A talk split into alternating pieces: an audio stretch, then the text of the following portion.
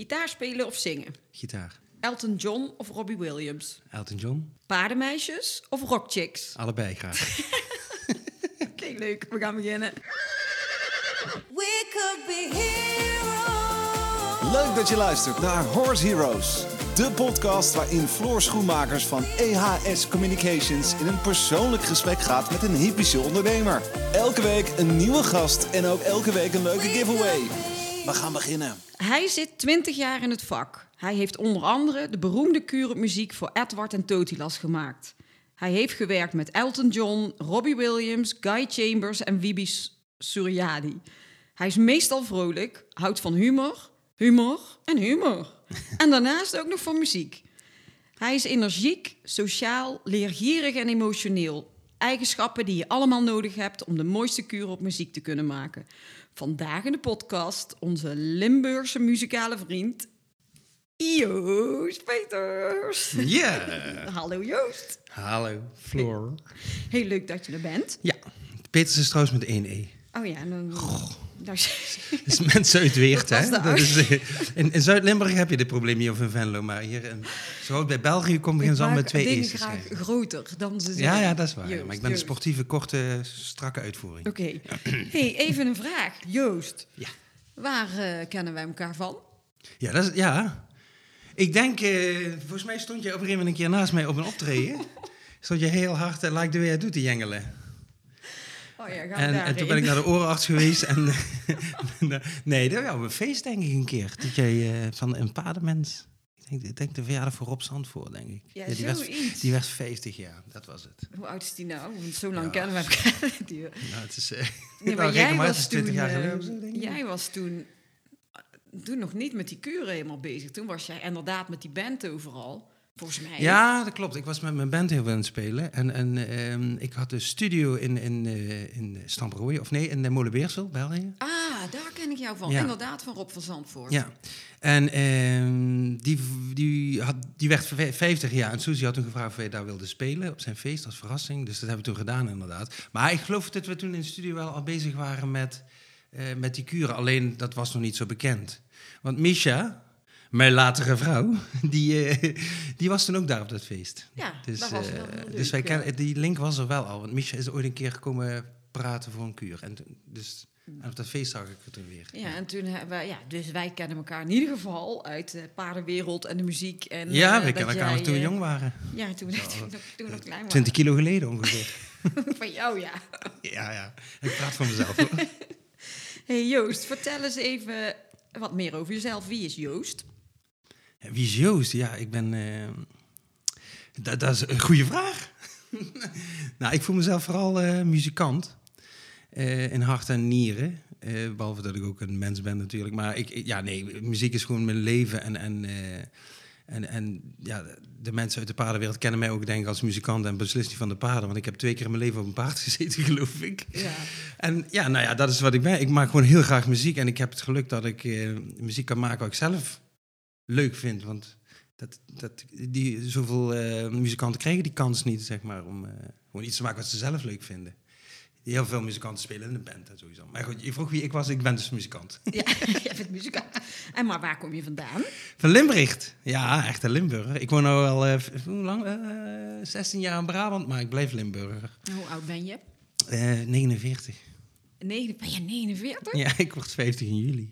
Oh, feest. Ja, dat zullen we nog wel zien, hè? Maar je bent getrouwd eh, met Misha. Nee, nee, nee, nee, we zijn niet getrouwd. Oh, nee? nee? Nee, we zijn heel trots op dat we niet getrouwd zijn. Ik ben ook niet getrouwd. Nee, we hebben kinderen, dus dan kom je nooit meer van elkaar af. Ja, sowieso. Ja, nee, nee, we zijn, we- nee, we zijn niet getrouwd. Nee, dat is- heeft voor ons geen toegevoegde waarde, dus ja. Nee, ik weet ook eigenlijk niet waarom ik dat eh, dacht. Dat Nee. maakt ook niet uit. Ja, Maakt ja maar dus, eh, nou, ik zie dat als een eh, compliment. Van, nou, jullie zijn zo leuk samen, bent vast getrouwd. of ik of andersom juist. Ja, dat kan ook. Ik ben, ook, ik ben al eh, heel veel jaren verloofd. Oh ja, dat is ook leuk. Dat is ja. ook leuk. Ja, nee, dus zover zijn we nooit gekomen. Hey Joost, vertel eens even iets meer over ehm, jouw bedrijf. Hoe ben je daarmee begonnen? Ik ga nog weer heel even terug naar... eh, ik wil gewoon vanaf het begin. Kleine Joost, 20 jaar geleden, 20 kilo Nou geleden. ja, ja, 20 kilo geleden. Ja. Nee, ik heb altijd, ehm, eh, zeg maar vanaf mijn eh, middelbare schooltijd, heb ik altijd in bands gespeeld. Als kind zat ik altijd achter het orgel en eh, ik weet niet hoe het kwam, maar we hadden thuis een of andere citer liggen. Een wat? citer, dat is een, eh, een snaarinstrument. Ja. Zo'n grote plank met allemaal snaren erop eigenlijk. Oh, En ik wist ook begot niet wat je ermee kon of zo. Maar ik zat overal op te tingelen en te tangelen en, en allemaal dingen na te spelen op zo'n op zo'n oud orgel. Eh, en toen kwam ik op de middelbare school, toen ben ik gitaar gaan spelen. Daar kregen we gitaarles, want ik zat op bijzonder onderwijs, ik was nogal druk. en als je vroeger nogal druk was, dan, eh, dan moest je naar een bijzondere school. Want ja, ik was natuurlijk een bijzonder kind. hè. Ja, Dat snap je wel. Dus, maar het voordeel daarvan was dat we daar gitaarles kregen. Want dan kreeg je, ja, die, die scholen zijn wat minder gestructureerd, dus ik kreeg ook gitaarles. Nou, dat, eh, en dat ging heel goed. En vanaf daar ben ik eigenlijk altijd bandjes gaan doen. Ehm, en, en dat is, eh, toen heb ik, ik denk twintig jaar heb ik opgetreden, heel veel door heel Nederland als bassist. Met de band Game onder andere, met, en daarna met Blizzard. En ehm, ja, zeg maar, dus ik, ik maakte al muziek en door die muziek ben ik ook veel in studio's gaan werken. Voor, voor vrienden dingen gaan inspelen en zo. En toen op een gegeven moment ben ik een studio begonnen in België, samen met Rob Zandvoort. Die had een studio gekocht uit Den Haag en die wilde iemand hebben die dat runde. Ja, maar dat wil ik weten. Want Rob, Rob Zandvoort, eh, die komt natuurlijk uit Paardenland. Die Ja. kennen een hoop mensen. Hoe kwam jij dan in contact met Rob? Eh, nou, Rob die had eh, drumles van Raymond Herveyen. Oh, Eh, en dat is weer een jongen die ik ken, eh, ook uit de muziekwereld. En waar ik ook wel eens wat deed in de studio bij hem. eh, die heb ik aangesloten, technisch en zo. Dus toen Rob het met zijn drumleraar had van... God, weet jij niemand, of wil jij die studio doen? Nou, hij had er geen interesse in. Weet je iemand die dat kan? Hè? Dus een studio opzetten en het, ook de technische verhaal daarvan. En die heeft hem mij genoemd als, een, als kandidaat. Nou, en toen ben ik een keer langs gereden om, om te praten wat hij eigenlijk wilde. ja. En ik had het geluk dat ik werkte, nou ja, ik werkte naast mijn, eh, naast mijn band eh, nog bij een bouwbedrijfje als projectleider. Ja. Via, mijn, via mijn toenmalige schoonouders was ik daar zo ingerold. En dat bedrijf ging failliet. En eh, dus dat was voor mij een mooie kans om, ja, ik denk, ja, als ik toch niks heb, dan ga ik dat gewoon doen, die studio. Dan zie ik wel wat het wordt. En ja, zo ben ik eigenlijk in die studio terechtgekomen. Maar wat wilde hij dan met die studio? Ja, hij had het idee om daar bands en zo te gaan opnemen en alles. Dat Omdat hij zelf vond hij allemaal heel interessant. eh, met die muziek bezig was. Ja, ja Oh, waarschijnlijk wel, ja. Alleen de timing was niet zo gelukkig, want dat was eigenlijk in een tijd dat heel veel muzikanten thuis konden gaan opnemen. Dus je kon op een gegeven moment een, een computer kopen en dan eh, met, met, wat- wat kleine apparatuur, wat al best betaalbaar was, konden ze thuis gewoon dingetjes opnemen en mixen en een cd'tje branden. Dat, dat begon toen allemaal net. Het stond in kinderschoenen, maar het kwam toen allemaal net. En ehm, dus dat was voor onze studio niet zo gunstig. Want wij zaten een beetje eh, in, de, in de budget eh, zeg maar. Hè, niet te dure producties, maar gewoon leuk voor bands eh, hier uit de regio of uit Zuid-Nederland. Ja, dat liep dus voor geen meter. dus, dus ja, helaas. En toen kwam Rob met het idee van, ja, luister, eh Nicolette van Lierop, hè, Nicolette van Leeuwenau, hè, maar Nicolette van Lierop gaf hij toen les en daar stond Suzy Dunkley, die stond daar ook op stal. En die zei van, "Is- kun je niet eens proberen voor haar wat te maken, want die moet met Ferrolan, was dat toen, moet zij een eh hengstenshow rijden, denk ik, in Zwolle. Ja, ik wist toen nog niet zo goed hoe het was, dus ik heb het ook niet zo goed onthouden. Maar volgens mij was dat een hengstenshow. En eh, kun je daar een kuur voor maken? En ik had er nog nooit, nooit eigenlijk van gehoord of gezien, eerlijk gezegd. Ja, nee, ja, ik bedoel, heb mijn jonge jaren ooit eens onder een paard doorgekropen, omdat ik mee was gegaan naar manege. En toen zei ze van, ja, als je paard wil leren vertrouwen, moet je tussen de benen doorkruipen Oh, of echt? zoiets. Ja. Nou, lekker met Dus deze. ik als achtjarige heb ik daar waarschijnlijk een keer onder zo'n paard doorgekropen. Maar meer, meer had ik ook niet met paarden.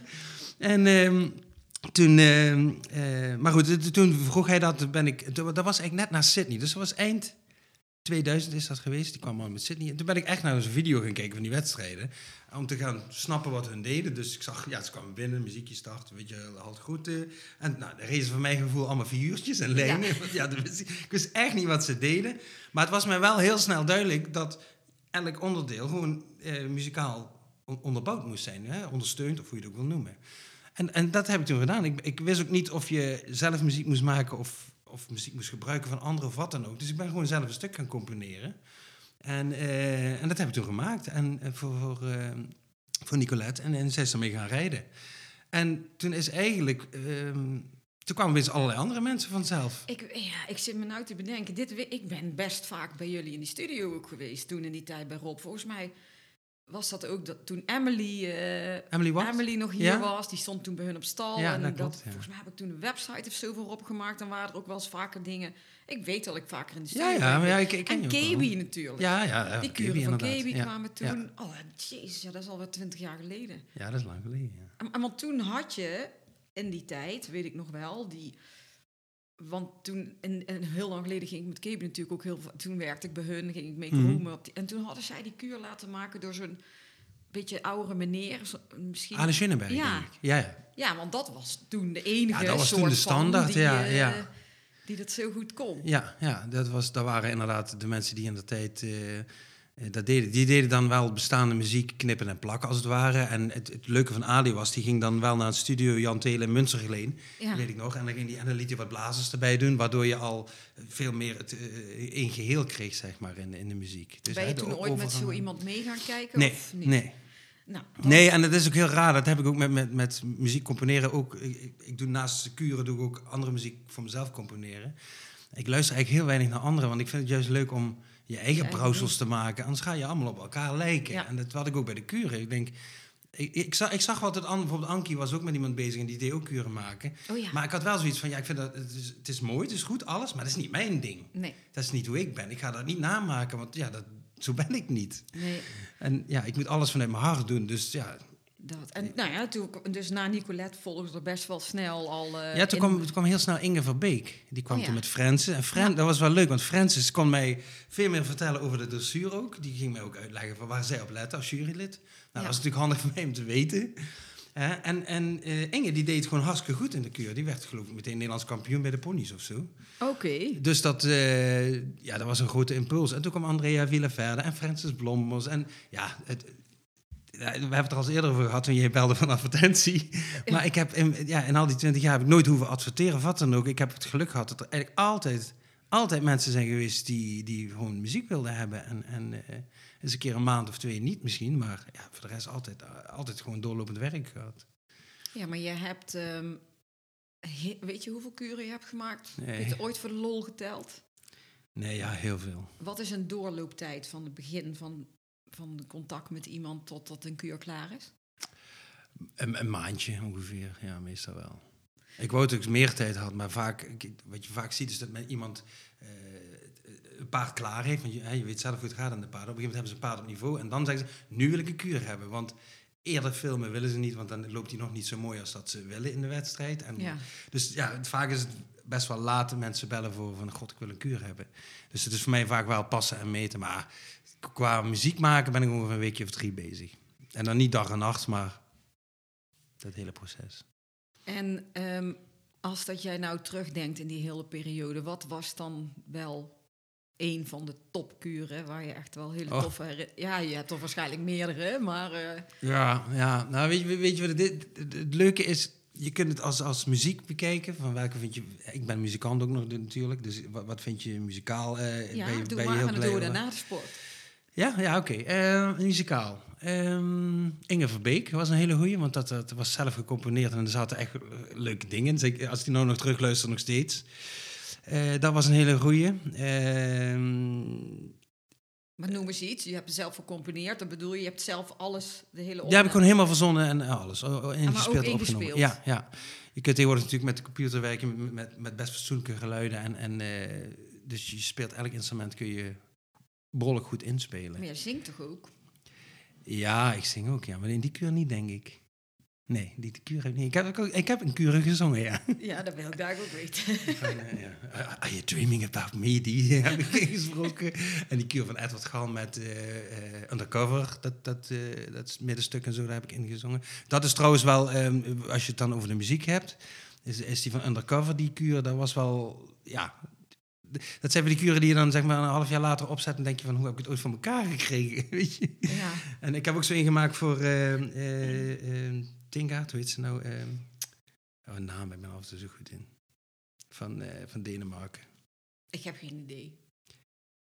Wie wie Tingaard, weet ze nou? Eh, uit. schiet me dadelijk aan te winnen, ja. Maar zo, die, vroeg, eh, ehm, die vroeg een hele rustige kuur en daar heb ik pianomuziek voor gemaakt, maar dan heel sferisch, filmisch en zo. En eh, ja, die is ook echt heel gaaf eh, gelukt, zeg maar. Dan, dat je denkt van, oh, dat is, ja, ik weet niet waar het vandaan komt, maar het is wel- fijn dat het gebeurt en dat ik zoiets kan maken dan eigenlijk. Dat zijn muzikaal wel hoogtepunten, ja. ja. En, en in de, qua sport, dat je dacht van wauw, dat was op mijn kuur. Nou, wat ik absoluut niet heb zien aankomen is Totilas. Daar ben ik heel eerlijk in. Die, eh, die, die heb ik gemaakt voor, voor het interkampioenschap. En ik heb er echt wel mijn best op gedaan, omdat ik gewoon wist dat Edward... Ik werkte al met Hans Peter, dus, hè, en dat ging heel goed. En, en ik wil Edward ook gewoon heel graag doen, want... Ja, ik vond gewoon te gekke mensen sport. Ik vond dat de moderne sporters eigenlijk, hè? De nieuwe, de nieuwe generatie. En, en eh, ja, die, die, eh, die Totaskuur, dat, dat had ik helemaal niet zien aankomen. Ze vroegen mij toen, eh, ik had twee weken de tijd om een kuur te maken voor het interkampioenschap. En uiteindelijk was dat de kuur, was het wereldkampioenschap, of eh, was het wereldrecord en alles mee hebben gewonnen. Dus Ja. Dat, dat, ja, dat verhaal pakte wel heel bijzonder uit. Sterker nog, ik, was, ik had de kuur gemaakt en ik, kon, ik had het heel druk. En ik kon niet naar Ermelo om te gaan kijken, want normaal ga ik wel eens ke- kijken naar een wedstrijd.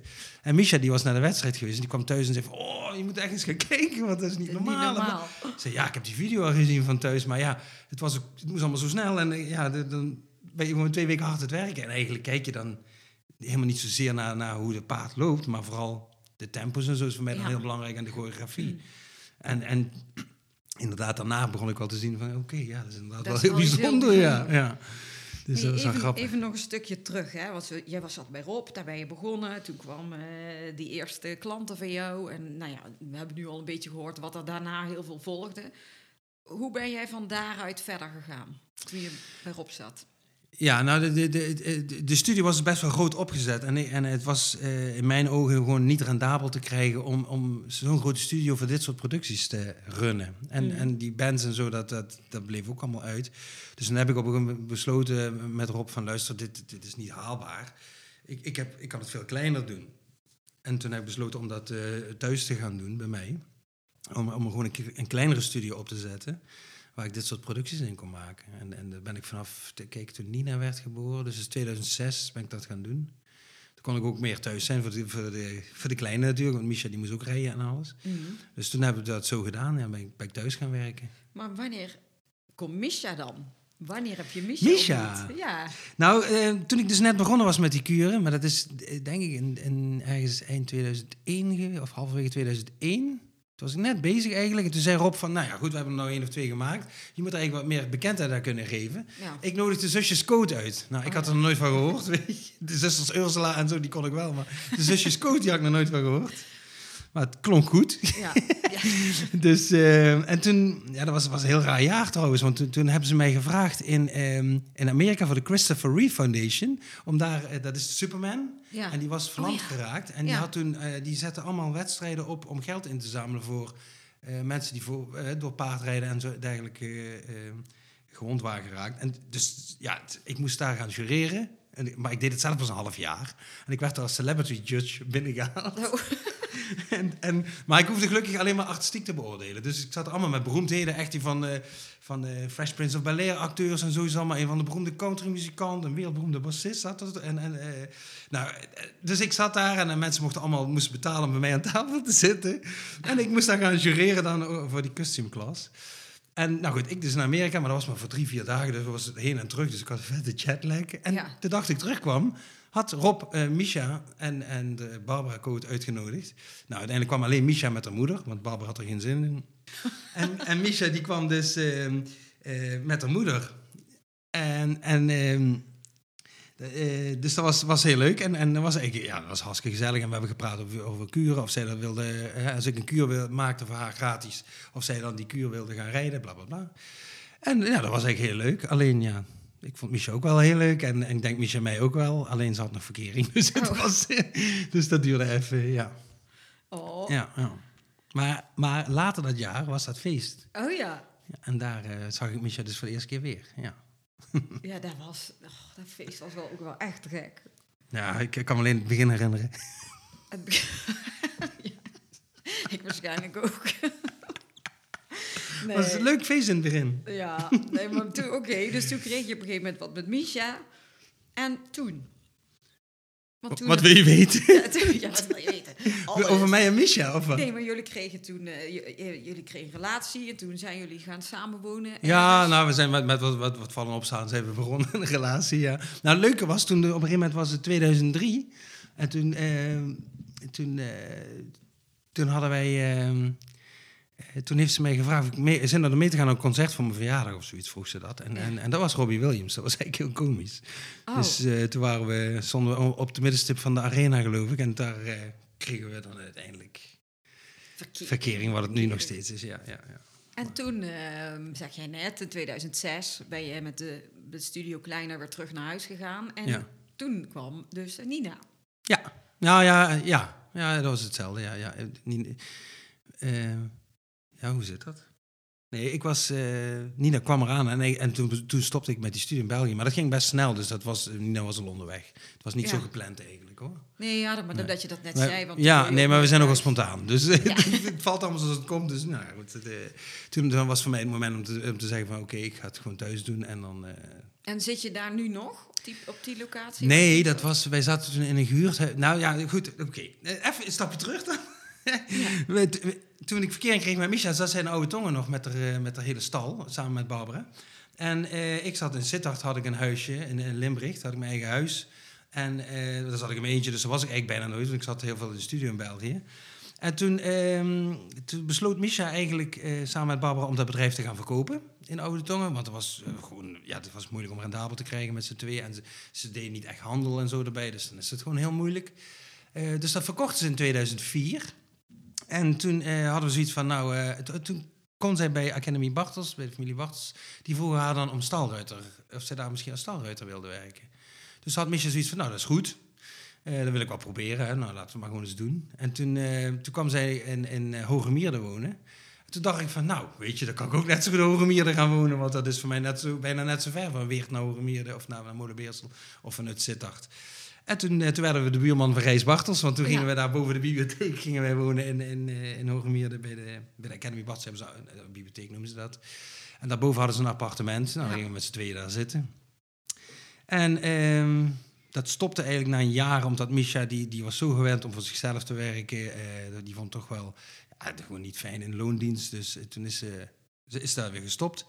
En ehm, ik vond het ook niet fijn om op dat bedrijf te wonen, want ik was ook gewend om mijn eigen huis te hebben en alles. En gewoon de vrijheid wat je daar hebt. Ehm, dus toen hebben we gezegd van, weet je wat, we gaan een huurhuis zoeken hier in de buurt. En dan gaan we daar gewoon zitten en dan kunnen we allebei weer ons ding doen. Kan zij gewoon lessen gaan geven en alles. En ik had daarachter, die, dat huis was een heel klein betonnen hokje. Dat was heel grappig. En eh, was eigenlijk totaal niet geschikt om, om muziek te maken hoor. Maar daar heb ik allemaal met gordijnen en toestanden heb ik dat allemaal aangekleed. En dan ben ik toen begonnen met werken, ja. Met alle apparatuur die ik zelf had. En eh, ben ik, heb ik daar neergezet en ben ik zelf weer eh, aan de slag gegaan. Maar dit was allemaal dus voor 2006. Ja, Dus er is best heel veel gebeurd toen, ook eh, in een korte periode. Ja dat ging allemaal heel snel. hè, Ja. En, wij, En daar zit je nu nog steeds. Nee, Oh. dat, want dat, dat, nee, nee want, want daar zat een huurhuisje. En toen heb ik op een gegeven moment heb ik het huis dus in Limburg verkocht. Ja. Eh, omdat ik, ja, we wisten, daar ga ik toch niet meer naar terug. Eh, ik bedoel, Misha die ging ook niet naar Limburg, want dan zit je zo ver van alles af. Hè, voor wedstrijden en leerlingen en zo is allemaal. Dus toen, ehm, toen heb ik dat huis in Sittard verkocht. En op het moment dat ik dat verkocht heb, zijn we in de buurt gaan zoeken naar een huis. Eh, maar dat ging ook wel heel spontaan, want ik wilde eigenlijk in heel Varenbeek wonen. Dat is een beetje de bewoonde wereld. Hè? Dat is leuk, een dorpje met een plein en, en winkels en alles. ja. En toen waren we het kijken op internet en toen zag ik in Hogemeerde een huis te koop staan. En die mensen hadden in de tuin, hadden die, eh, die woonden aan de rand van het dorp, dus die hadden uitzicht, helemaal achterom, eh, kilometers. En die hadden een, een, een garage, die man die auto's opknappen voor zijn hobby. Oh ja. Mini Coopers. En die, die hadden een garage gemaakt met een brug erin en alles. En, en gespouwd met een, de zolder erop en best wel ruim van binnen. En de- die mensen gingen weg. En ik dacht, hé, hey, Studio. een huis met een geïsoleerde ruimte, daar kan ik, een goede basis voor mij Ja, om een studio top. te maken. En ik denk dat we het huis ongeveer binnen 24 uur gekocht hadden. Oh. Want het geld lag er gewoon. Dus dat was allemaal niet zo'n probleem. Dus, dus ja, eh, denk, nou, dan gaan we dat doen. Nou, fijn, hup, gekocht, klaar. Ja. Achteraf dacht ik, en nog steeds denk ik wel eens van, ik had eigenlijk wel wat meer eh, richting Tilburg willen wonen, want dan zit je toch wat meer waar, waar wat te doen is en zo. Maar goed, we zitten er nog steeds en dat is nou, eh 2007 was dat. Dus dat, Ja. is, eh, dat is ook alweer 14 jaar geleden, ja. ja. Maar we wonen daar prachtig hoor, daar gaat het niet om. maar- En, en wat, eh, je zei het al een beetje, hè, wat jij zelf hebt met paarden. Je bent er een keer onderdoor gerend op je achtste. Maar eigenlijk heb jij zelf dus niet pers... Je had helemaal niks met paarden, maar nu inmiddels denk ik wel een beetje meer. Ja, Ja, absoluut. Ik bedoel, je- eh, Nina, mijn dochter, die rijdt paard. En, en ik, ik krijg natuurlijk veel meer mee van Misha. En je komt op wedstrijden en bla bla. Dus je- als je ze leert kennen, de paarden, hè, en, en de wereld, en, en je ziet hoe de mensen daarmee omgaan, dan, dan leer je dat ook eh, waarderen. Dus wat dat Ja. vind ik paarden wel leuk. Maar ik heb niet dat. Ik, ik vind het onvoorstelbaar hoeveel. eh, eh, mensen doen voor die sport. Daar heb ik echt respect voor. Als ik, al, ik was gisteren bij Quinty Vossers, was ik voor de kuur. En dan, eh, ze was net een paardrijden toen ik kwam en dan stap ze af en dan moet ze het paard gaan inzwartelen en af- afdouchen. En, eh, of zwart, hoe heet dat? Een bandage. ja. En dan zie ik dat en dan denk ik weer van, boah, ik, ik heb er echt respect voor dat die dat allemaal doen daarvoor. Weet je. Ik, ik ben muzikant, ik hang een basgitaar om, stop een stekker erin en we beginnen te jengelen bij wijze van spreken. Hè? Ja. Natuurlijk, wij deden wel optredens en zo, en, maar dat vind ik wel leuk, dus dat was nooit de moeite. Maar als ik dat met paarden zie, ja, dat vind ik knap. En dat is gewoon omdat ik, ik heb dat niet met paarden, dat ik dat helemaal... Ja, voor mij zijn dat geen vrienden of mensen of bijna... Maar kan jij wel eh, genieten van een hele middag kuur op muziek kijken als je beneden Nee, helemaal niet. Oh. jij kijkt gewoon, wanneer is mijn kuur? En dan ga je dat nog net niet, eh, maar ik, ik vind een hele wedstrijd kijken, dat is voor mij sowieso wel veel... eh, Ja, maar ik vraag me gevraagd. af, ben je daar dan toch heel op gefocust om te horen wat andere kuren doen? Of hoe andere ruiters dat doen waar jij de kuren niet voor, voor maakt? Ja, sorry, maar dat is weer hetzelfde verhaal. Ik doe gewoon mijn eigen ding. Ik, wil, ik, ik, eh, ik, ik vind ook als ik naar andere kuren ga luisteren... en met alle respect voor wat ze doen... maar dan denk ik altijd van, ja, dat had ik anders gedaan. Ja. Weet je? En dan denk ik van, ja, waarom moet ik daar naar gaan zitten kijken? En dat is absoluut niet dat ik niet vind dat ik van anderen kan leren... maar ik wil vooral mijn eigen ding doen. Als mensen bij mij komen, moeten ze gewoon weten van... dan krijg ik iets van Joost Peters. Dat, wat Joost maakt, dat wil ik hebben. En dat, dat doe ik ook. Ik ga ook wat dat betreft niet met trends mee... want ik wil juist trends maken. Ja. Snap je? Bijvoorbeeld, ik, ik deed die klokken bij, in die kuur van Totelas. En opeens had iedereen klokken. Dan denk ik van, ja, oké, dat dat vind ik niet erg, het is het nadoen hoor. Maar dan ben ik gewoon op tijd. En ik ging die, die koortjes meezingen, bijvoorbeeld in die kuur van, van, van Anne ehm Meulendijks. bijvoorbeeld. Had het- hele koor had ik gemaakt met, met, met, met Avanti erin. Ik had Ja. gewoon een koor verzonnen met de tekst Avanti. De, hele- de hele tekst is kletskoek, alleen je hoort Avanti de hele tijd. Ja. En, en, en, en, en bij Undercover heb ik dat ook gedaan. En dat gingen mensen nadoen. Ja, oké, dat vind ik niet erg. Maar als ik maar de eerste ben, ik wil gewoon origineel zijn. Dus wat dat betreft ga ik, als ik naar wedstrijd kijk, kijk ik wel. Want ik, ik vind ook absoluut wel sommige kuren leuk om te zien. Maar er zijn ook veel kuren waar ik toch wel gewoon eh, denk van ja, had ik anders gedaan. ja, dat snap ik ook als dat je daar zit te kijken. En ehm, als dat jij iets kunt vertellen, we hadden het in de intro al gezegd, je hebt gewerkt met Elton John en Robbie Williams. Ja, Wil je daar eens iets over vertellen? Wat da- hoe dat ging? Wat is daar gebeurd? Nou, dat, dat kwam eigenlijk omdat ik... eh, ehm, eh, Richard Davison, de Engelse ruiter, die vroeg mij of ik een kuur wilde maken. En de eigenaar van zijn paard, dat was Artemis... Die, eh, dat was, eh, of is, eh Cassie Derby, de Lady Derby. En Ja. Lady Derby, dat is echt oude adel. Haar man is de Lord Derby. En dat is, ja, dat is echt heel, heel oude Engelse adel. En dat is, dat is echt geweldig hoor. Ik ben daar... nou, ik, ik zal even in volgorde vertellen. Ja, Dus, ze- de hele tijd. nou, dus, ja, sorry, maar ze vroegen, ehm, ze vroegen van, wil jij die kuur maken? Ik zeg, ja, dat is goed, ja. ja. Het moet wel met Elton John muziek, geen probleem. En het is met Elton John. Oh, Oh, ja, oké, leuk, weet je wel. Ja, welk jaar was dit? ehm, Ongeveer. 2010 denk ik, of 2009 of 2010. Oh, dus be- best wel snel weer, ook in het begin, de hele fase. Ja, ja, ja. En dan vroegen ze dus eh, van, eh, ja, en eh, het moet opgenomen worden door het Royal Liverpool Philharmonic Orchestra. en ik, oh, ja, ik speel wel in een bandje, maar 70 muzikanten. En ik, en ik, ik Maar hoe komen die bij jou? Ja, ja die, gewoon uit de pa die, die, die kenden mijn kuren wel, Ja. zeg maar, via Richard Davison. En, die hadden ze, en dit was zo, Elton John was eraan begonnen. Die, die Lady Darby had gevraagd van, god Elton, want die zijn bevriend. Ja, ik- ik- het is voor mij al zo'n oud verhaal, maar eh, La- Lady Darby en Elton John, die zijn eigenlijk bevriend met elkaar, Ja. privé. En zij hadden dus gevraagd, god Elton, zou jij die kuur willen maken? En Elton had gezegd van, ja, ik, I'm druk, maar eh, ik ga het wel proberen. I- I'm very druk. En ehm, dus toen, toen heeft hij dat geprobeerd. En die heeft echt na een paar dagen geloof ik, heeft hij gezegd van... Ja, ik weet niet wat ik moet doen. Weet je, ja, dat paard gaat alle kanten op. En ik, moet daar, ja, ik, ik snap er echt geen zak van. En ehm, weet je niemand die dat kan? En dat we dat samen doen. Ja. Of, hè, weet je, ja, of nou, hoe dan ook. Ja. Ja, nou goed, toen hebben ze dus eh, mij benaderd. En hebben ze gevraagd, God, Joost, wil jij dat doen? En eh, jij mag het eigenlijk gewoon maken, maar je moet het wel aan Elton John laten horen wat je hebt gemaakt. En als moment hij zegt van het is oké, dan, eh, dan gaat het naar Liverpool Philharmonic. Ja, en ik hou nog wel van uitdaging, dus ik zeg, ja, is goed, doen we. Ja. Leuk, ja. Dus toen begon het zweet uit te breken. Ja. Want ik, ik moet er ook eerlijk bij zeggen, ik kan geen noten lezen. Ik kan echt geen muziek lezen. Ik kan geen muziek schrijven en niet lezen. Dus, dus ik, ik voelde wel aankomen dat er ergens een probleem kwam. Want je moet dat orkest uiteindelijk wel gaan vertellen eh, wat ze moeten gaan doen. Maar ja, goed, ik denk graag in oplossingen. Dus ik had zoiets van, ik ga het gewoon maken. Dus ik ben toen die muziek gaan maken. Die keur kreeg een video, ik heb die, die muziek gemaakt. eh, op mijn computer. Dus gewoon eh, allemaal met synthesizer. Hè, met een, klonk al best aardig. En toen heb ik naar Elton John opgestuurd en die was meteen akkoord, gelukkig. Dus dat was, Oh, ja, dat was, dat was gewoon meteen oké. En ehm, toen heb ik die, ja, dat, goed, dat is een beetje een technisch verhaal, maar je kunt die, die, die muziekfile wat ik heb gemaakt, waar alle instrumenten los in staan, Ja. die, kun je dan, die moest ik dan naar iemand toesturen. Dat was eh, de arrangeur van Soul to Soul, die band. Die deed allemaal die, die klassieke arrangementen voor die band. En popmuziek, hè, dan heb je vaak strijkers en zo erbij, maar daar vragen ze altijd klassieke mensen voor. En die hebben ze toen eh, dat stuk gestuurd en die heeft dat helemaal uitgeschreven op papier. Dus ik kreeg een hele file krijg je dan thuis met al die, eh, al die partijen voor elk instrument. Maar dan moet je echt denken, fluit, klarinet, trombone, trompet. Elk instrument, eerste, tweede viool, altijd. Elk instrument moet uitgeschreven worden. En helemaal, dat orkest moet dat zo kunnen naspelen. En toen... ehm, die heeft dat dus helemaal in papier uitgewerkt. En toen moest ik vliegen naar Liverpool. Werd ik daar eh, ontvangen. Dan heb ik een nacht naast een Rembrandt geslapen. was ook een leuk verhaal. die, met, ja, die woonde in een kasteel. Dat was echt niet normaal. Hing in de hal een hele grote Rubens van 3 bij 3. Met alleen maar blote vrouwen erop. Dus ik, vond dat, ik, was, ik voelde me helemaal thuis. en toen kwam ik op de slaapkamer. Van, ja, dit is je slaapkamer. Oh, ik ging liggen en ik keek zo naast me. Nou, gewoon een Rembrandt, weet je. Ik denk, nou... Dus het was, een hele maffe wereld waar ik terecht was Ja. gekomen. En de dag daarna moesten we dat stuk, stuk opnemen in Liverpool. Dus, en dat gaat echt zo. Dan kom je s'morgens aan met je klapper.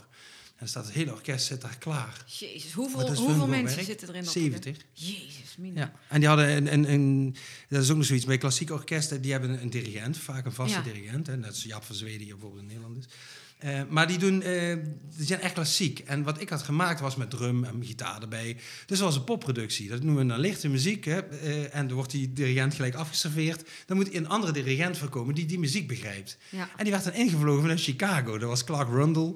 Die heeft naderhand ook hier in Nederland nog wat klussen gedaan. Met, met de Prinsengrachtconcert en zo. Ja. Maar die werd dus gewoon ingevlogen voor, dat, voor die opname. Dus ik, ik, ik vond het wel heel erg spannend allemaal. En dan zaten die mensen van Classic FM, die gingen het opnemen. Dat allemaal van die oude vandaag zaten daar dan, eh, voor mijn gevoel. En, en, en eh, de producer was dat dan met klappers en alles. Dus ik had echt van, oh my god, wat ben ik in terecht gekomen. ja, snap ik. Maar goed, het hele orkest gaat zitten en die zet allemaal die papieren voor hun neus. En dat is het mooie aan een orkest. Die, als die, dat klopt wat je geschreven hebt, die begint te spelen. Die spelen dat eerst een keer langzaam door, zodat ze elkaar Ja. aanwijzingen kunnen geven. En, en, en daarna wordt het opgenomen. En dat, dat orkest, dat speelt het gewoon. Dik vet kippenvel, ik. Ja, dat is, dat is ongelooflijk. Dat is ja, het summum. Qua muzikale ervaring is dat gewoon ja, onevenaarbaar bijna. Dat maar is- dan was dit toch wel, als, ik, als je dit vertelt, toch wel een van de, of wel bijna mis- misschien wel de meest unieke kuur die je dan hebt gemaakt, of niet op zo'n manier. Ja, ik zou je zeggen, er zijn kuren die zijn met minder in. Eh, die worden verkocht als heel als in- orkest, maar dat gebeurt gewoon niet. Maar wat een geld. Bedoel, Ja, dat is, dat is onvoorstelbaar. Niet maar, te betalen. Nee, maar het leuke was, die Lord Derby, die was eh beschermheer van het orkest. Oh, En wat dat heb je, hè? Die, Ja, dat heb je ja, in die ja. kringen. En dus dat, die, die hebben dat wel kunnen, zelf kunnen regelen. Ik, heb, het- ik weet ook niet wat het gekost heeft. Ik, ik wil het ook niet weten, want daar word ik alleen maar nerveus van, denk ik. ja. Maar ja, dat was wel eh, dat is een heel kostbare aangelegenheid. En hoe scoorde hij met die kuur? Uiteindelijk. Ja, op zich wel goed, maar, maar dat, die, ja goed, we weten allemaal, in de sport ben je niet afhankelijk van hoe goed je kuur is, maar ook Nee. van hoe goed je paard is. En, en, en, eh, eh, de- dus je kunt wel de mooiste kuur neerzetten, maar het, moet wel samenkomen nog. En, eh, hij, heeft daar, hij heeft daarmee gereden, eh, niet zo lang trouwens. Want op een gegeven moment wilden ze voor de Olympische Spelen gaan. En toen belden ze me weer op, Lady Derby. Eh, ja, want het co- contact was er natuurlijk. En ze zegt van, ja, wil je dat nog een keer doen, maar dan met Robbie Williams? Oh, Dus ik denk, nou, daar gaan we weer. maar heb je Elton En- John ontmoet trouwens? Nee, nee, hij zou wel komen, en, eh, maar dat, dat gebeurt gewoon niet. Die mensen, ja, laten we heel eerlijk zijn, die mensen zijn met heel andere dingen bezig. En, Ja. en, en, eh, hij, hij zal het vast heel... eh, ze vinden het vooral grappig, denk ik, dat je zoiets doet met hun muziek. Ja. Maar hun zijn, eh, qua muziek zijn ze ook weer anders bezig. Dat zijn, voor hun zijn het oude hits, dus allemaal passé. Ja, ja. Ja, die zijn zelf gewoon weer met nieuwe dingen bezig en zo. En, en hij zet bijvoorbeeld met die filmmuziek en zo is allemaal, ja. Het is wel jammer, want het was wel de planning, maar ja, goed, het gebeurt gewoon niet. Nee, ja goed, die zijn toch niet zo heel voorspelbaar ook. eh, die doen gewoon waar ze zelf zin in hebben. Ja, ja, ja, ja. Oké, en toen? Maar ik moet ook eerlijk zeggen, als ik hem nou had ontmoet... dus- Oké, we hadden natuurlijk soort van iets samen gedaan. Ja. Dan vind ik het wel leuk. Maar ik vind altijd, als je artiesten tegenkomt... Ik vind het leuk om ze tegen te komen. Maar dan moet je ook, dan moet je ook iets hebben gedaan. En Ja, niet maar alleen maar zo van... was dit wel... Oh, Elton John, weet je. Nee, maar dat niet. Maar omdat je dit samen hebt opgesteld, Ja. was dat wel leuk ja. geweest. ja, tuurlijk. Het was zeker leuk geweest. En, eh, en Robbie? Of die ontmoet heb of... eh, Ja, nee, Nou, het project ging ongeveer op dezelfde manier. Het enige verschil was dat ehm, eh, Robbie Williams schreef zijn muziek niet zelf. Dus was Guy Chambers was daarbij bij betrokken. En ik moet wel zeggen dat Guy Chambers is wel een van mijn muzikale helden. Ik, ik, ik heb, wat ik altijd gaaf heb gevonden, en dat vind ik ook bijvoorbeeld aan John Eubank... en dat vond ik ook gaaf aan, aan Guy Chambers... die combineren popmuziek met klassiek. Ja, En dat vind ik gewoon gaaf. En ehm, eh, dat is ook wat ik altijd heb gedaan in mijn kuren. Dus zowel in die van Nicolette van Lierop als, als alles wat daarnaast gekomen. Bijvoorbeeld de Queen-kuur van, eh van, van, Van- Laurens van van, Lieren. Ja. ja. en, en Hexagons Allright. Dat was ook gewoon eh, popmuziek, maar dan met klassieke instrumenten. En drums en basgitaar erbij, Ja. dat is mijn ding. en met Genesis toen had je toch ook, Ook, eh, met ja, van Collins toen met Kebi. Vond ik Ja, zo mooi. ja, maar hetzelfde, hè? Je, Ja. je- dat is echt popmuziek. Maar je kunt daar zoveel klassiek, zeker als goede nummers zijn, kun je er zoveel klassiek mee doen. En, en, en eh, dus ik vond Guy Chambers vond ik wel heel erg gaaf dat, dat die meedeed. En die deed ook echt mee. Dus ik, ik heb, daar hebben we eigenlijk hetzelfde verhaal als met die Elton John kuur. eh, Op dezelfde manier gewerkt. Alleen toen hadden we het orkest opgenomen in Liverpool. Ja. Toen ben ik met die opnames ben ik een week later naar Londen gevlogen en eh, naar de studio van Guy Chambers. En dat was de studio waar ze ook al die dingen met, met, met Robbie Williams hebben gemaakt. En die, eh, die ging daar echt zitten en die heeft de hele pianopartij ingespeeld. Op de vleugel waar eh, Angels op is ingespeeld en alles. Dus, Oh, te gek. Ja, dus ik, Ja, dat is mag ik even? Weet je, ik durf het bijna niet te vragen, weet je. Maar ja, nee, dat, eh, ja, dat was, was echt een heel bijzondere dag. Dat, ja, dat ik is voelde me ook echt een klein jongetje snoepwinkel, want ik liep daar door Londen en in Camden zat hij met de studio. En ik was te vroeg en ik heb daar echt stond nerveus. Heb ik gewoon een, uur door heel Londen gelopen. En ik, oh shit. En ik was zo zenuwachtig, weet je. Ja, ik ben het niet gauw, zeg ik heel eerlijk zenuwachtig. Maar ja, ik had echt zoiets van, oh my god, dan kom ik daar binnen, weet je. Als een jonge Limburg die geen noot kan lezen, kom ik even daar wat muziek opnemen, weet je. En, en, eh, maar goed, ik, ik, ik weet nog, op een gegeven moment was het 11 uur, was de afspraak. En ik bel aan en de deur, ik, de deur gaat open. En hij staat echt recht voor mijn neus, zo achterover geleund tegen de kassa. Zo. En het is echt een Engelsman. En ik had echt zo, oh my god. Hi, weet je, wat moet je zeggen? Hè? Weet je? Hallo. Maar het was een super vriendelijke Engelse vent met humor en heel relaxed en, en alles. Dus we hebben echt een topmiddag gehad. En, en ja, gewoon super leuk. En in de studio samen dat hele stuk nog eens doorgenomen. Gekeken wat ik wilde. Ja. Want hij luisterde ook echt van, wat, wat, wat wil je dat ik doe op de piano? Wat, hè? Hij ging gewoon klakkeloos van, ja, ik ben een guy en ik speel gewoon wat ik moet doen. Hij ging echt luisteren wat, wat de bedoeling was en alles. En toen hebben we opgenomen samen met zijn eh, technische man, zijn- engineer. En eh, ja, toen zat ik eh, s'avonds weer in het vliegtuig met een USB-stick met zijn pianopartijen. Dus dat was wel heel gaaf. Ja. En toen hebben we hier in België, in Galaxy Studios in Mol, een hele grote studio, hebben we toen nog de drums opgenomen met Sjoerd Rutte. En daar heb ik zelf alle gitaren en bassen ingespeeld. En dat was de Robbie Williams kuur. Ja. En Robbie Williams, ja goed, die... Nou, het, het leuke was, hij, hij wilde wel meedoen, maar dan moest je 1 miljoen hebben. Dan zou hij overvliegen Oh ja. van L.A. Zei, Wat, oh ja, wat tuurlijk. Guy zei al van, ja, zegt hij, als je Robbie wil, wil krijgen, dan moet je gewoon, die, die heeft geen zin meer. En die zit in L.A., want daar heeft hij rust en zijn, zijn Hoe vrouw. lang is dit geleden? dat is 2011 geweest, denk ik, ja. Of, of begin 2012. Ik denk begin, eind 2011. Ehm want die, die keur was ook bedoeld voor de Olympische Spelen. En ehm, dus de, ja, die wou alleen maar komen voor geld. Dus, Ja. dus nou, dat was, was geen optie natuurlijk, helaas. En he- hebben die, die twee ervaringen, dat je het zoiets hebt gedaan, hebben dat, heeft dat iets betekend voor jou de rest van jouw carrière daarna? Dat je daardoor merkte van, nou krijg ik nog veel meer aanvragen? Of, Ja, dat is moeilijk te zeggen. Want, want kijk, kijk ehm, om een voorbeeld te nemen. Die, die kuur van Totilas, die, was in, die is in twee weken gemaakt. Dat moest allemaal heel snel. Toen hebben we bestaande muziek gekozen van, van Jean-Michel Jarre en, en, en, en eh, Secret Garden zit erin en zo. En daar heb ik, hè, heb ik gezegd, hun zei van, kun je met deze muziek? Wat ik zeg, ja, ja, dat kan ik wel mee, maar ik wil het wel fatsoenlijk doen. Weet je, ik ga niet gewoon wat muziek aan elkaar plakken en dan eh, je. Dus ik heb daar een heleboel instrumenten bij gespeeld. Allemaal die percussie, die drums, eh, heel veel hoornpartijen en een fluit en eh, strijkers. Om het gewoon echt fatsoenlijk één geheel van te maken.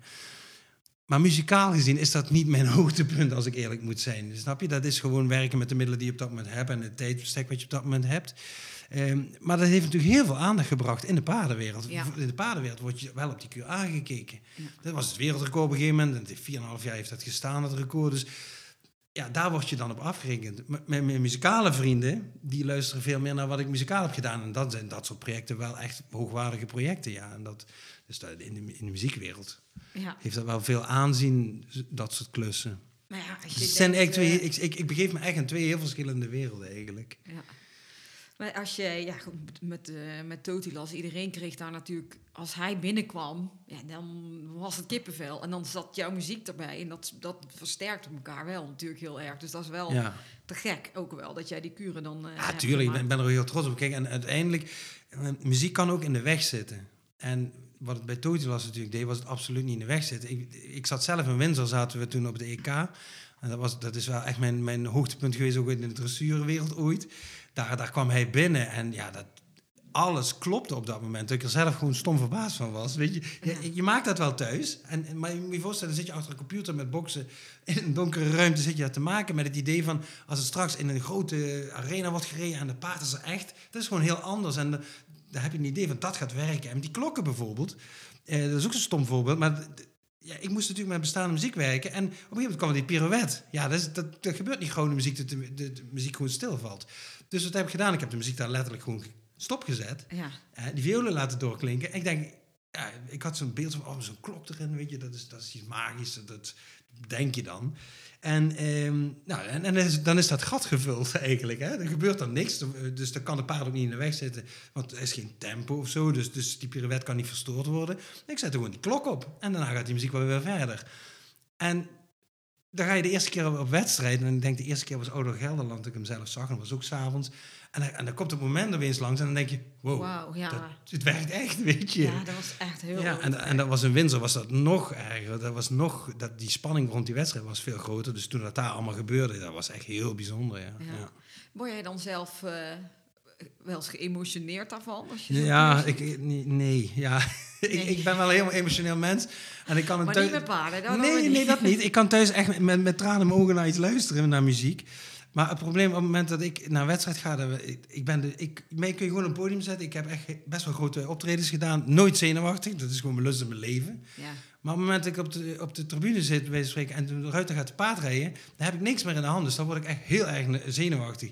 Dus ja, dan ben ik wel emotioneel, maar niet wat jij bedoelt. Want ik denk Nee, van, niet dat oh, het wat jou mooi. Ja. Nee, want dan komt, dat is toch weer dat je veel meer muzikant bent dan eh een paarden, Ja, ja, ja, ja, ja. En als je zelf wat maakt, hoor je vooral wat niet geluk is. Dus, dus jij is kijkt nog zo gaaf. anders naar zo'n Dan denk ik, ja, dat, maar zo kijk je natuurlijk naar, naar, naar, naar een paardrijden ook. Kijk, mensen die Totilas zagen, heel veel mensen vonden het helemaal waanzinnig. Ja. Maar echte diehard sporters, die zagen natuurlijk ook wel van, oké, dat moet nog beter. Dat is, Ja. Oeh, jammer, dat lukte niet helemaal. Ja. En voor Edward moet dat helemaal zijn. Die zit thuis te rijden en dan, als je dan alles lukt en dan moet je dat op een wedstrijd doen, ja, dan blijft er soms maar 90% van over door de omstandigheden, of de spanning of wat dan ook. Ja. En in je hoofd weet je natuurlijk hoe het kan zijn. Nou, dat heb ik ook als ik naar ga luisteren naar muziek. Dus ja, in die zin ben ik nooit emotioneel, nee. Even wel een eh, linkje naar eh, over muziek gesproken. Want eh, ik wil natuurlijk altijd weten of iemand een, een, een speciaal liedje heeft waar je een bepaalde herinnering aan hebt. Nou, dan wil ik even die van jou weten en waarom dat is. Ja. Ja, dat is natuurlijk heel moeilijk als muzikant, hè, om, om een nummer te gaan zeggen. Maar ehm, ehm, ehm, ik heb een nummer, dat, dat is Love Games on Level 42. Ik ben eigenlijk bassist en dat ben ik geworden door dat nummer. Wij zaten vroeger in Sittard, we vonden onszelf heel stoer en liepen van die ghettoblasters, liepen door de stad. eh, hè, en dan van die onzin uithalen en dan liepen we keer met muziek en zo. En we hadden ook een, een bandje en met de live LP van Level 42. Uit 1985 is dat, dus dat is 25 kilo geleden. Ja. En, ehm, maar goed, daar liepen wij dus mee. En, en dat vonden we allemaal heel gave muziek en zo. Dus, en toen waren we een keer... eh, en wij speelden gitaar in een soort bandje. Speelden echt nog gitaar. En, en, dus wij zaten een keer te repeteren ergens bij, bij een vriendje bij ons achterom. En toen kwam Gino Regimassi, vergeet het nooit. En dat was de gitarist van Sinatra, had je toen. Ja. Zat Ron Lieberton hier uit, uit Weert. eh, Die, eh, die, Ja. die naam hier bij Johnny Hoes alles op en zo, geloof ik. Oh, hier, eh, die zit hierachter. Oh? Sinatra, Jos Menne. Is Ja, Jos Menne, ja, ja. Hier, Die- hier achter Oh, mij. nou kijk, dat is de wereld toch klein? Nou, zeg. Nou, hun gitarist was eh, eh, eh, Gino Reremassi en zijn broer Arnold Reremassi, die hadden ook een band. Eh, en, en die Arnold was bassist, maar Gino kwam toen een keer naar de repetitie kijken. En dus, dus hij zegt zo van, hey, en die begon daar Love Games te spelen van Level 42. Ja. En toen zag ik voor het eerst van, oh zo gaat dat. Want vroeger had je natuurlijk niet zoals nu met YouTube en alles. Dus ik hoorde die muziek, maar ik wist begon niet hoe die man dat deed op die gitaar. En toen zag ik dat voor het eerst van, verrek, dat sleppen zo met die duimen, dat is cool. begonnen wij dat allemaal op de gitaar. Zag ik op de gitaar met van die dunne snaartjes, zat ik zo de hele tijd te slappen. En vanaf dat moment ja, was ik even verknocht aan die basgitaar. Dat, dat vond ik gewoon te gek. En dus dat nummer eh, was het eerste nummer wat mij echt heeft gezegd van oké, dat wil ik. Daarvoor Ja. was het gewoon muziek. Ik deed maar wat. Ik, ik, dat vond ik gewoon leuk muziek. Dat zit in je en dat, dat komt op alle manieren uit. Maar dat, ja, dat moment was wel waarop ik dacht van oké, dat ga ik doen. Wij gaan nou een stukje luisteren. Ja.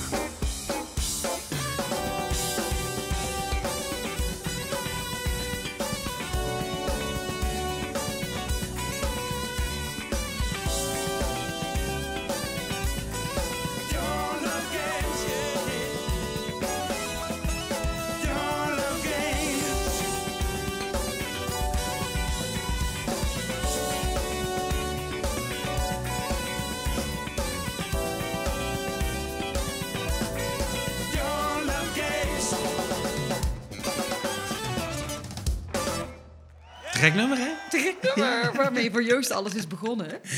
Ehm, ik heb nog een paar vragen ook ehm, van een paar van onze Go Social ehm, team. Oké. Want Esra, de ruiter, die vraagt zich af in welke mate jij je bemoeit met de chore- choreografie van een kuur.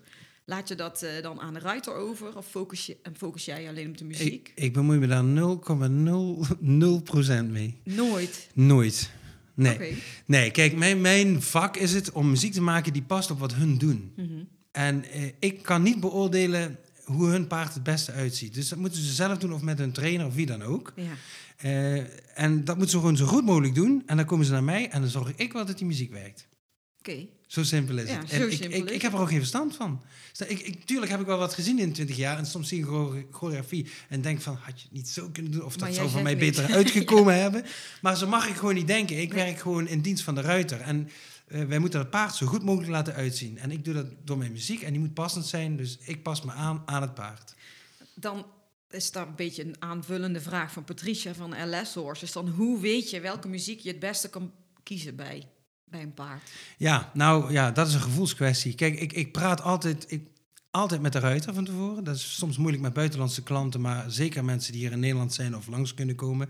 Bijvoorbeeld eh, Jessica van Bredo, die is, de, heet ze, ja, Bredo hè? Ja. Ja, die, die is dan echt uit Duitsland. Ik zeg, kom alsjeblieft langs. Dus die is helemaal uit Zuid-Duitsland. Dus die naartoe komen vliegen voor even twee uur over die kuur te praten. Want dan krijg ik namelijk een gevoel bij een persoon. Ja. Dan snap ik wat ze willen. Ehm, en, en van daaruit ga ik muziek maken. En ik, ik, het is niet zo dat ik een paard zie lopen en denk van... oké, dat daar moet die muziek bij. Ik begin gewoon te werken met die video. En ik ga letterlijk gewoon met de piano voor mijn neus zitten... en dan, hè, of een ander instrument waarbij ik een idee heb. En dan begin ik gewoon, ja, om het maar heel plat te zeggen, mee te pingelen. Ja. En daar komen dan uiteindelijk die ideeën uit. Maar het is een gevoel wat ik in mijn hoofd heb... wat ik dan uiteindelijk moet gaan uiten met die instrumenten. Maar daarom is het ook waarom het werkt met jou. Omdat jij zo muzikaal bent. Dat Ja. je, want ik, als je het andersom, als jij echt helemaal van de paarden was en dan bedenkt, ik ga iets met die muziek doen, dan gaat het natuurlijk nooit werken. Nee, en ik, ik, het is ook iets heel persoonlijks. Want ik, ik, ik, heb bijvoorbeeld op een gegeven moment had ik het heel druk. Denk ik, vraag eens iemand om mij te helpen. Ja. En dus toen wou ik zo... eh, heb ik hem uitgelegd van je moet dit doen, dat doen en zo. Maar ja, dat, dat werkt eigenlijk helemaal niet. Het leuke is dat hij daarna ook nog zichzelf ging verkopen als dat hij voor mij had gewerkt. En die maakt geloof ik nou nog kuren, ik zal geen namen noemen. Die zit nou nog kuren te maken. En als ik luister denk ik van ja, ik snap wel waarom het niks geworden is. Want Ja. je moet, dat, je moet dat gevoel hebben. A, je moet muziek kunnen combineren. En B, je moet dat gevoel wat je hebt, moet je, voor die proef moet je in, dat, in die muziek kunnen stoppen. Zodat het iets toevoegt en, en het paard nog mooier laat uitzien. ja, en dan is er nog een vraag van Feline. Van Hooi. Hallo, account. Hoi, nee, Feline Hoi. Hallo, Feline. Wat is dan... Oh, aller- Hoi. Ja, die zag ik net hier. Ja, die eh, zag je foto, net. ja. Wat is dan het allermoeilijkste aan een kuur maken? Eh, dat, dat, ehm, dat, ligt, dat, ligt, dat verschilt per kuur. Soms is het inderdaad moeilijk om de muziek te vinden.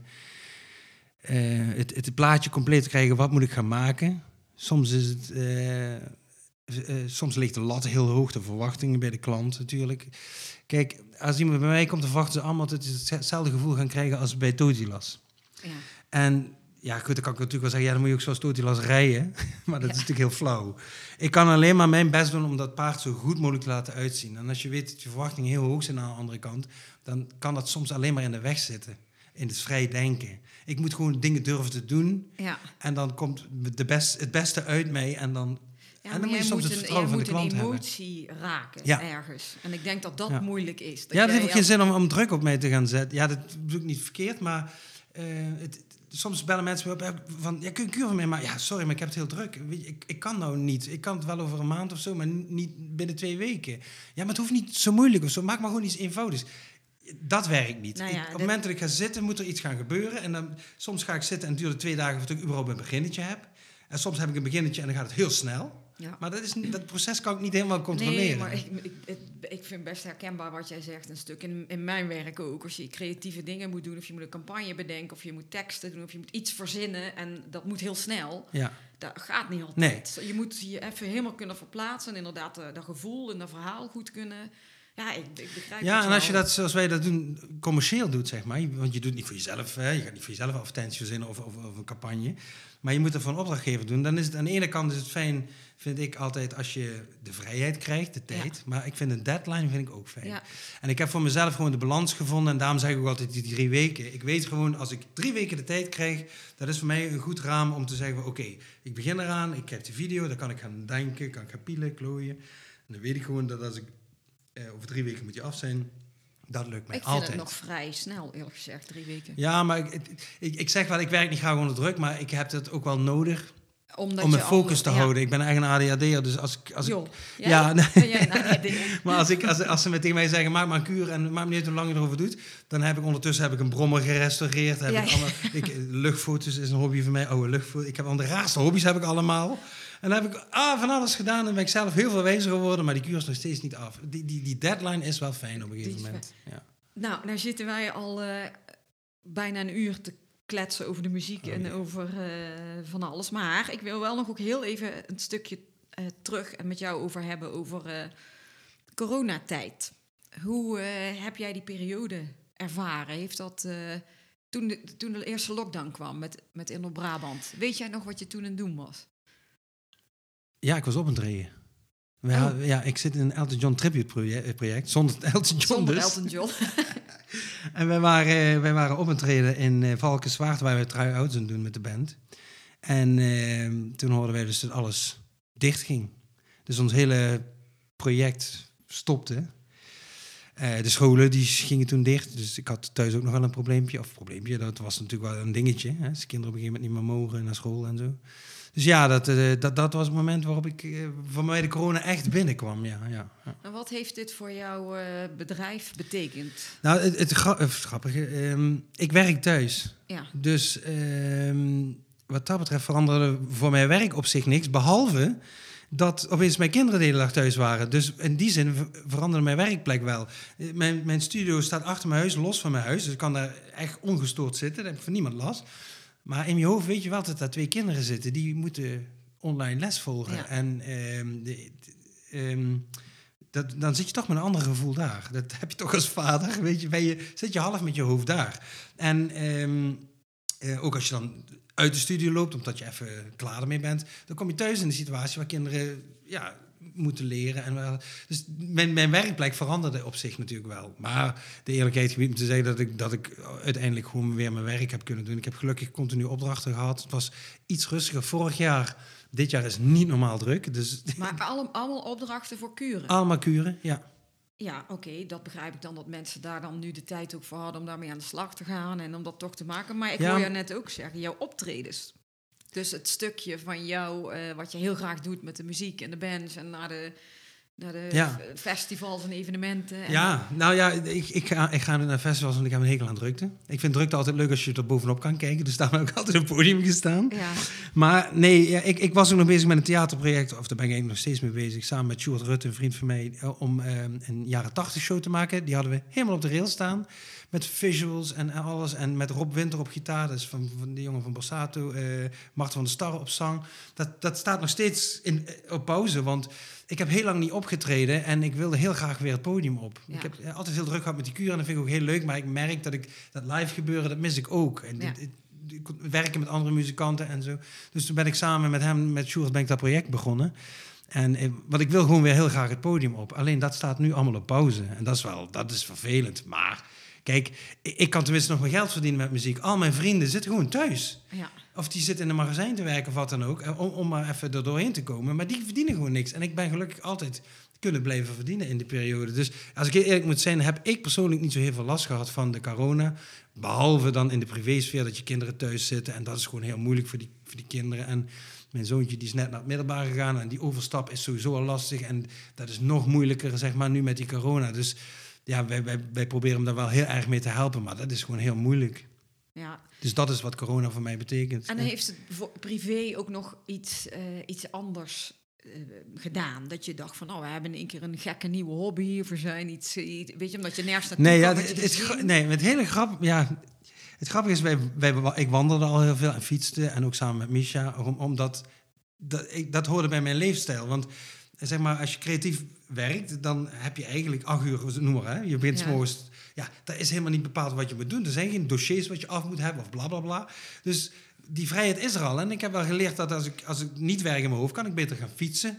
Of door het bos gaan lopen, of weet ik het wat. En wel, eh, dus, dus ja, dat zat al in mijn leven. Dus ik ben, we zijn eigenlijk, het leuke was dat iedereen opeens ging wandelen. Het werd opeens heel druk in het bos. Ja. ja, in mijn bos. Maar dus er is, niks, er is gewoon niks veranderd voor mij. Alleen je ziet wat het mensen om je heen andere dingen gaan doen. Ja. En ja, Nou ja, maar weet je, hoe, jij bent gewoon wel een eh, positief, eh, vrolijk mens. En Misha ook, hoe ik jullie Ja. ken. Dus dat scheelt natuurlijk ook alweer veel. Dat je wel... eh, ja nou, wij, wij hebben ook gewoon, wij hadden ook geen moeite om te accepteren dat wij vinden gewoon dat die, dat wat gebeurt, die, die maatregelen, die, die vinden wij voor ons gevoel ook heel erg logisch. Dus ja, in dat, in dat opzicht hebben wij ook gewoon zoiets van, we passen ons aan en we hopen gewoon dat het zo snel mogelijk over is. ja. En dan, dan komt het wel weer allemaal, weet je. En voor de rest, als je het gewoon leuk thuis hebt, dan is dat niet zo'n probleem. Nee, nee, dus wij we hebben, ja, ja, nou ja, wij zijn, eh, we hebben het gewoon heel leuk thuis. Ja, nou, Dus dat ja. is eh, hartstikke belangrijk. ja, ja. Ik ga één vraag nog stellen, want ik, ik kan echt door blijven praten met jou. Maar ik ben, ehm, als je kijkt over eh, tien jaar, wat ben jij dan aan het doen? Of wat hoop je dat Je bedoelt over 10 nog, kilo? dan zijn we weer bij dat 10 kilo zwaarder of weer minder. nee, 10 jaar. Ja, dat vind ik altijd heel moeilijk. Weet je, het, het, het is best, best wel een maf verhaal. Mijn, mijn moeder, ja, dat komt even iets persoonlijks. Mijn moeder is overleden toen ze 49 was. En ik ben nu 49. Dus ik heb echt het gevoel, over een paar weken ben ik even oud als mijn moeder. En dat is voor mij altijd een soort punt in mijn leven geweest waar ik altijd zoiets van had van. Dat was de, de stip op de horizon. Ja, het, is misschien heel verhaal om daar nou, nou mee binnen te komen. Maar ehm, dat, dat is voor mij altijd persoonlijk een, stip op de horizon geweest. Ik heb ook nooit wat gepland in mijn leven. Het is allemaal spontaan. Het gaat allemaal maar. Want ik merk nu dat dat moment eraan komt dat ik daar heel erg mee bezig ben. En ik, ik, ik ben helemaal niet het type om na te denken wat over tien jaar is. Het interesseert echt geen reet. Nee, De- mooi. Echt, ja, je kunt wel gaan invullen, maar het slaat nergens op. Nee, maar er zijn had- ik- mensen die denken... ik wil nog een keer een, eh, een opname doen met Elton John of eh Robbie Nee. Williams. Maar ja, heb je allemaal al gedaan? Ik wil leven. Ja, we leven. Ik, ik, ik ben blij dat ik leef. Ik heb altijd, sinds mijn, moeder, mijn moeder is heel jong overleden aan kanker. En, en wat ik toen dacht is altijd, wat mijn ouders mij hebben gegeven, en, en mijn moeder vooral, dan, want daar heb ik gewoon een hele goede band mee. Is, ze heeft mij het leven, het leven gegeven wat ik heb, met, met alles wat er wat eraan zit, mijn talent, en tijd. Want je ouders je op aarde en in principe heb je dan ongeveer een jaar of tachtig en daar doe het dan maar mee. En dat heb ik gewoon. En de rest, we zien wel. Ik doe maar gewoon. Ik doe gewoon wat ik leuk vind. Ik probeer het, iedereen en, en mezelf ook naar, de zin te maken. En that's it. En zo sta ik in het leven. En we zien wel. Het komt altijd wel goed, denk ik dan. Oh, ik hou ervan. Dat antwoord echt helemaal. Ja, maar ja, je hebt helemaal gelijk daarin. Ja, nou ja zo, zo sta ik erin. En, en ja, voor mij werkt het. Yes. Joost, super bedankt dat je gast was in de Horse Heroes. Ja, ik vind het hartstikke gezellig. Ja, we gaan nog even doorkletsen als die dingen uitstaan. Maar ik wil je wel nog even vragen. We doen natuurlijk elke keer een, eh, een giveaway Ja. aan eh, de luisteraars. Dus heb jij misschien ook iets leuks wat je denkt, nou, dat, eh, Ja, ik wou mijn telefoonnummer geven. ja. je- nou, Om even terug te komen op die eerste vraag over die... eh, nee, flauwekul. Ik vergeet nooit... de- de- eh, nog eens, mag ik nog één dingetje? Of ga je dan op Nee, stop nee, duwen? nee. Ik, ik, ik gaf een keer een clinic in Ermelo. Hadden ze mij gevraagd, rondje kuur. Of, ik weet niet meer wat het was, maar dan, wil je komen vertellen over de kuren? Nou, is goed. Maar wat hadden ze nou gedaan? Ze hadden mij een microfoon gegeven. En toen gingen ze op een gegeven moment... Zeiden ze van, zijn er mensen in het publiek die vragen willen stellen? Nou... ik ben wel van de spontane, dus ik dacht, nou, leuk, kom maar op. Dus ik stond met mijn microfoon in mijn hand, maar die vragen wat die mensen stelden, die hoorden natuurlijk niemand. Hadden ze niet aan gedacht van, als iemand daar een vraag stelt op zo'n grote tribune, al die andere mensen, die horen dat niet. Dus die horen mijn antwoord wel, maar niet de vraag. Dus wat gebeurt nou? Ik, eh, ik, ik, ik, eh, ik hoorde iemand een vraag stellen, dus ik zeg, ik kom even naar je toe, want niemand verstaat het. Ja. Dus ik loop naar die persoon, een vrouwtje was het, en die vroeg dan iets van, eh, oh, met de kuur, dit, dit, zo, zo. Ik zeg, nou, ik zal even de vraag halen van mevrouw, maar sorry, mijn telefoonnummer kan ik echt niet geven. Weet je? Nou, ja.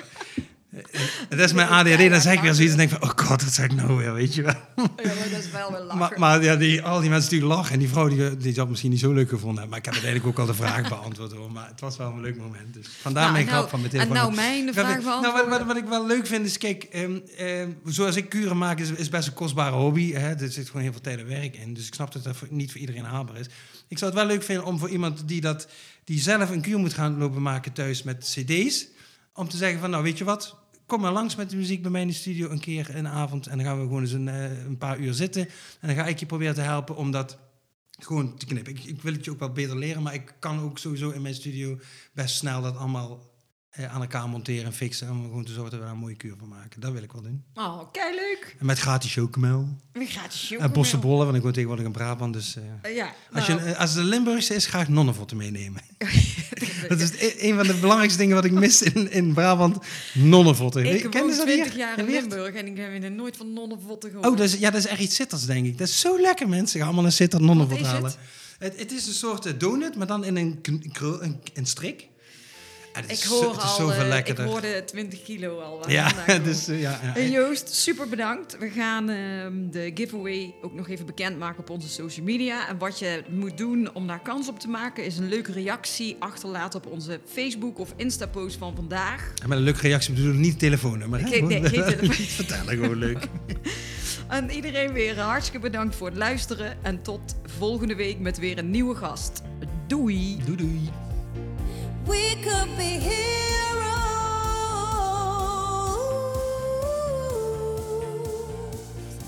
Dit was hem weer, de Horse Heroes podcast. Wil je meer weten over Floor, haar bedrijf of deze podcast? Kijk dan even op de website van ehscommunications.nl. En wat je ook zeker even moet doen, is je abonneren op deze podcast om geen enkele aflevering te missen. Het zou helemaal top zijn als je dan meteen een beoordeling achterlaat. Tot volgende week! we could be.